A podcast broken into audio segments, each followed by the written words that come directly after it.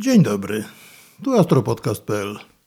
Przed mikrofonem Jerzy Bochusz i miło mi jest powitać Was w dziesiątym odcinku naszego podcastu na temat amatorskiej astronomii obserwacyjnej. Już truizmem dawno stało się stwierdzenie, że pogoda nam nie dopisuje. Faktycznie, cały czas tylko chmury, chmury i chmury. Jednak noc z 3 na 4 stycznia bieżącego, czyli 2019 roku, była zupełnie inna. Cała Polska była przykryta chmurami, a nade mną był pas czystego nieba, idący mniej więcej z północy na południe, szerokości jakichś 150 km, a ja byłem w samym jego środku, znaczy ja i moje obserwatorium. A ponieważ księżyc był tuż przed nowiem, więc ta noc oczywiście musiała należeć do komet. Dlatego też chciałbym Wam dzisiaj opowiedzieć o obserwacji dwóch ciekawych komet krótkookresowych. Jeżeli nie wiecie, co to są komety krótkookresowe, to już Wam wyjaśniam.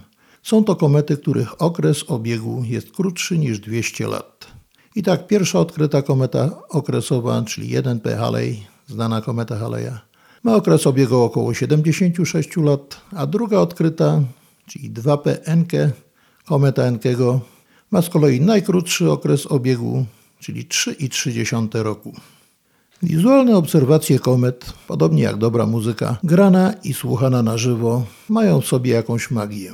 Nigdy nie wiadomo, gdzie trzeba ich szukać, ponieważ ze względu na szybki ruch po niebie zawsze trzeba szukać ich w innym miejscu i nigdy też nie wiemy, co zobaczymy za kolejnym razem. A obraz komety w okularze teleskopu może się zmieniać dosłownie z nocy na noc. Poza tym, ta radość z odnalezienia i ujrzenia komety i to uczucie obsowania nieomalże twarzą w twarz z tymi wspaniałymi ciałami niebieskimi, które mimo znacznych postępów badań w ostatnich latach wciąż jeszcze skrywają przed nami dużo tajemnic.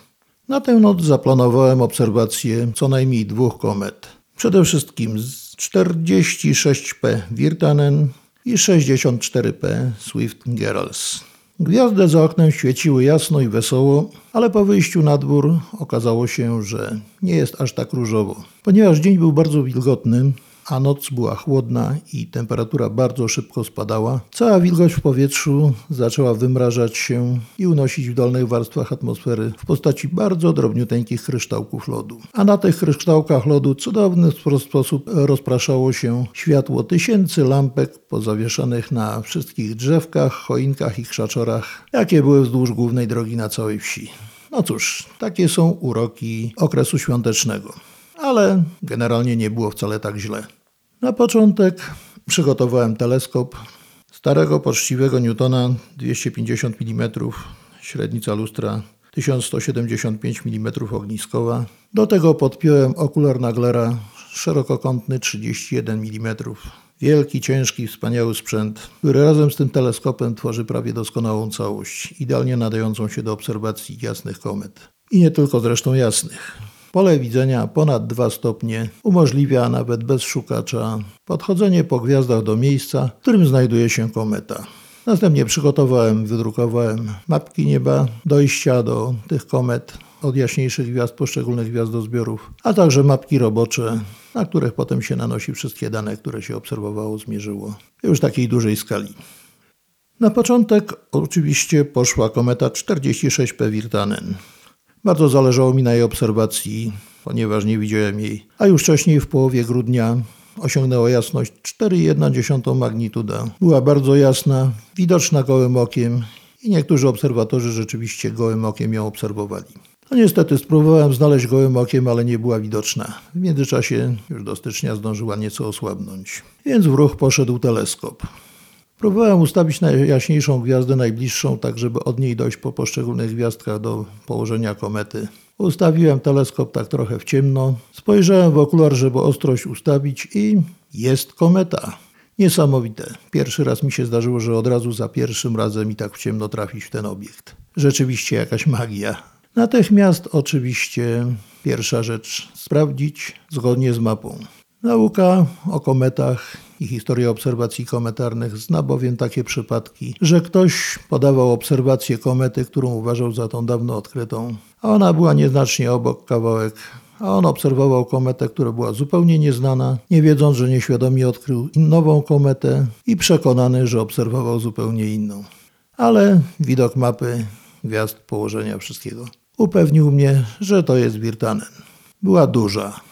Mniej więcej tak na pierwszy rzut oka przypominała średnicą średnicę Księżyca, czyli około pół stopnia. To jest naprawdę bardzo dużo. I była na tyle jasna, że w tym teleskopie widać było nawet jej kolorek taki srebrzysto-szaro, zielonkawo-niebieskawy. Tylko bardzo jasne komety w teleskopach ujawniają swoje kolory. Słabsze zazwyczaj są widoczne w postaci szarej mgiełki.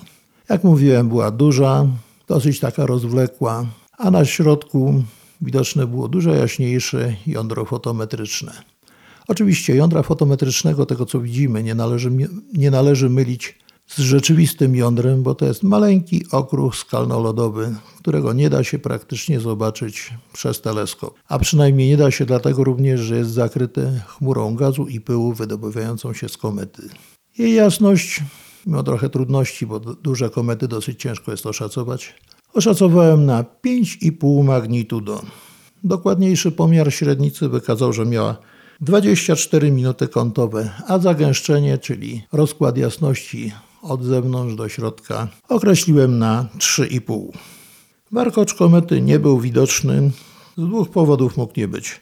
Po pierwsze, mógł być bardzo mały i krótki, ponieważ to słabiutka kometa, już, że tak powiem, wyeksploatowana, ale do jeszcze do tego dojdziemy, więc mógł być mało aktywny, a z drugiej strony mógł być zakryty przez całe te wszystkie gazy i pyły, które tworzyły głowę komety. Kometa ta odkryta 18 stycznia 1948 roku przez Wirtanena. Ma okres obiegu 5,44 roku. Średnica jądra, jak wyliczyła NASA, około 1,2 km, czyli maleńka jest, a największe zbliżenie do Ziemi właśnie miała teraz w tym okresie, na zaledwie 0,78 tysięcznej jednostki astronomicznej. Po obserwacjach takich już standardowych, określeniu parametrów, oczywiście jak zawsze zwiększam powiększenie, używam filtrów kometarnych, zaglądam jej w bebechy, ale przy tak maleńkim obiekcie raczej trudno jest, żeby coś się działo, żeby się zaczął jądro rozpadać, rozdzielać na dwie części, jak się czasami zdarza przy większych kometach. Nic żadnych takich zjawisk nie widziałem. Tym niemniej bardzo jasna, bardzo ciekawa, efektowna. Jak na kometę krótkookresową to jest rzadkość. Ale jak mówiłem, wrócimy za chwilę do tego. Następną kometą była już obserwowana przeze mnie wcześniej kometa 64P Swift-Gerels. Też ma ciekawą historię, bo odkryta 16 listopada 1889 roku przez Swifta. Następnie została zagubiona nie obserwowano jej, aż ponownie odnaleziona została na niebie w 1973 roku przez Gerelsa. Ta kometa ma dosyć trochę dłuższy okres obiegu 9,4 roku, a jak NASA wyliczyła, średnica jej jądra nosi około 3,2 km. Jest to więc obiekt większy nieco.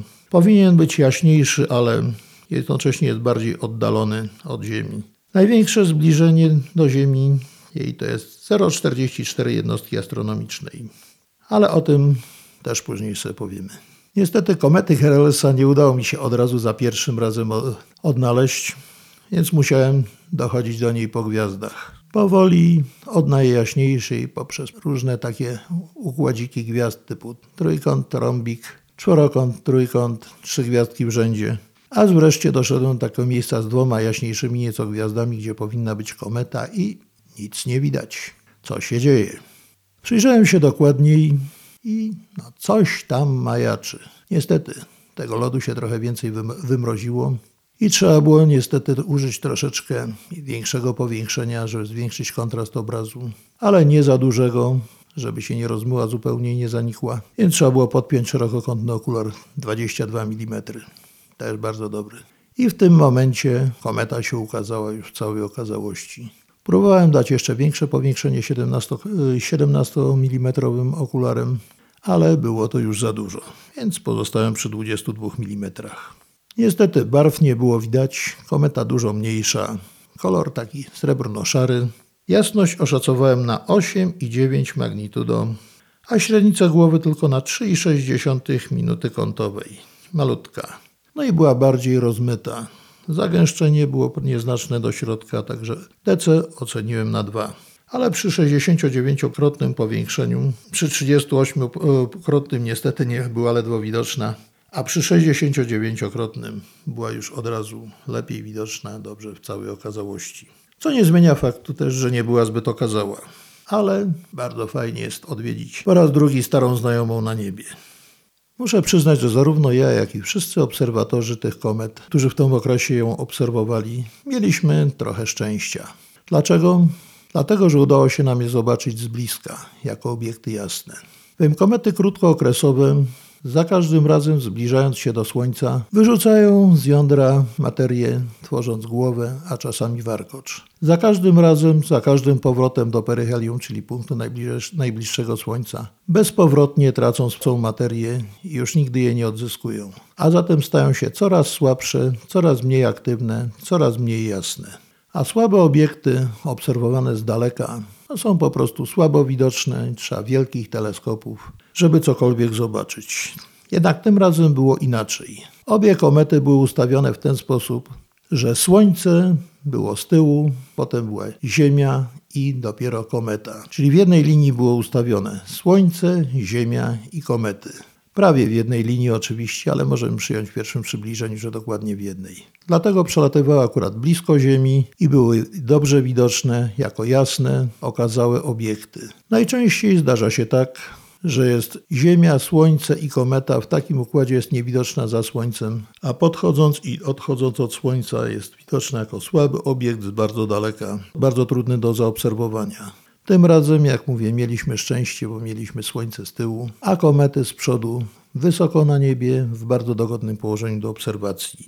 I tak można powiedzieć, że takie warunki, jak mamy teraz, nie powtórzą się już prędko, a na pewno nie za naszego życia. Kometa Wirtanena ostatni raz tak blisko Ziemi, czyli tak w momencie jak ją obserwowałem, niecałe 15 milionów kilometrów, zbliżyła się w 1913 roku. I w ciągu najbliższych dwóch stuleci tak blisko już nie będzie, takie usytuowanie nie powtórzy się, nie będzie tak blisko widoczna. Natomiast kometa Gerelsa, podobne usytuowanie, czyli 0,44 jednostki astronomicznej, czyli to, co w momencie obserwowałem, było niecałe 80 milionów kilometrów, czyli w skali astronomicznej też bardzo blisko. Podobne położenie jej będzie dopiero w 2092 roku. Jeżeli ktoś dożyje do tego, zapraszam, żeby obserwował. Polecam gorąco. Rzeczywiście będzie na co popatrzeć, ale ja tego niestety już raczej nie dożyję. Tym bardziej cieszę się i to bardzo się cieszę, że miałem możliwość właśnie zaobserwowania tych komet, bo często obserwuję długookresowe, bardzo jasne, ale rzadko udaje mi się słabe, krótkookresowe komety zaobserwować, a szczególnie w tak korzystnych warunkach, jakie były teraz, w postaci tak jasnych, wyraźnych, bliskich obiektów. Od tamtej pory nie było już żadnej nocy obserwacyjnej. W poniedziałek 21 stycznia samego rana nastąpiło całkowite zaćmienie księżyca. Zarówno koledzy moi, astronomowie, obserwatorzy, jak i ja szykowaliśmy się bardzo do obserwacji tego zjawiska. Całą noc przeczekałem i to nie tylko ja. Nie udało mi się, tylko nielicznym udało się wykonać obserwacje. I ci szczęśliwcy mogli się pochwalić, jak fajny, fajnie wyglądał zaćmiony księżyc. Taki rdzawo-czerwonawy. Podobnie jak do tego, do tego zaćmienia, które było latem. Tyle tylko, że tym razem był wysoko na niebie, o wiele łatwiejszy do obserwacji. Ale jak mówię, tą możliwość mieli tylko nieliczni. Większość z nas czekała do końca, aż do samego zjawiska, ale nie udało się. No nic, będą następne. Jedno mogę powiedzieć, zawsze warto jest zaczekać, tak samo i tym razem warto było zaczekać. I na dzisiaj to już wszystko. Słuchaliście astropodcastu.pl. Jak zwykle zapraszam do komentowania, kontaktu. Jeżeli macie, macie jakieś pytania, wątpliwości, pomysły, zapraszam do kontaktu zarówno przez formularz kontaktowy na stronie astropodcastu.pl, jak i przez maile, których adresy też znajdziecie na podstronie kontakt, jak też przez media społecznościowe jak Facebook, Twitter, Instagram, na profilach Jerzy Bohusz. I w ten pochmurny wieczór rozstaję się już z Wami życząc dobrej nocy, a wszystkim obserwatorom czystego nieba i udanych obserwacji.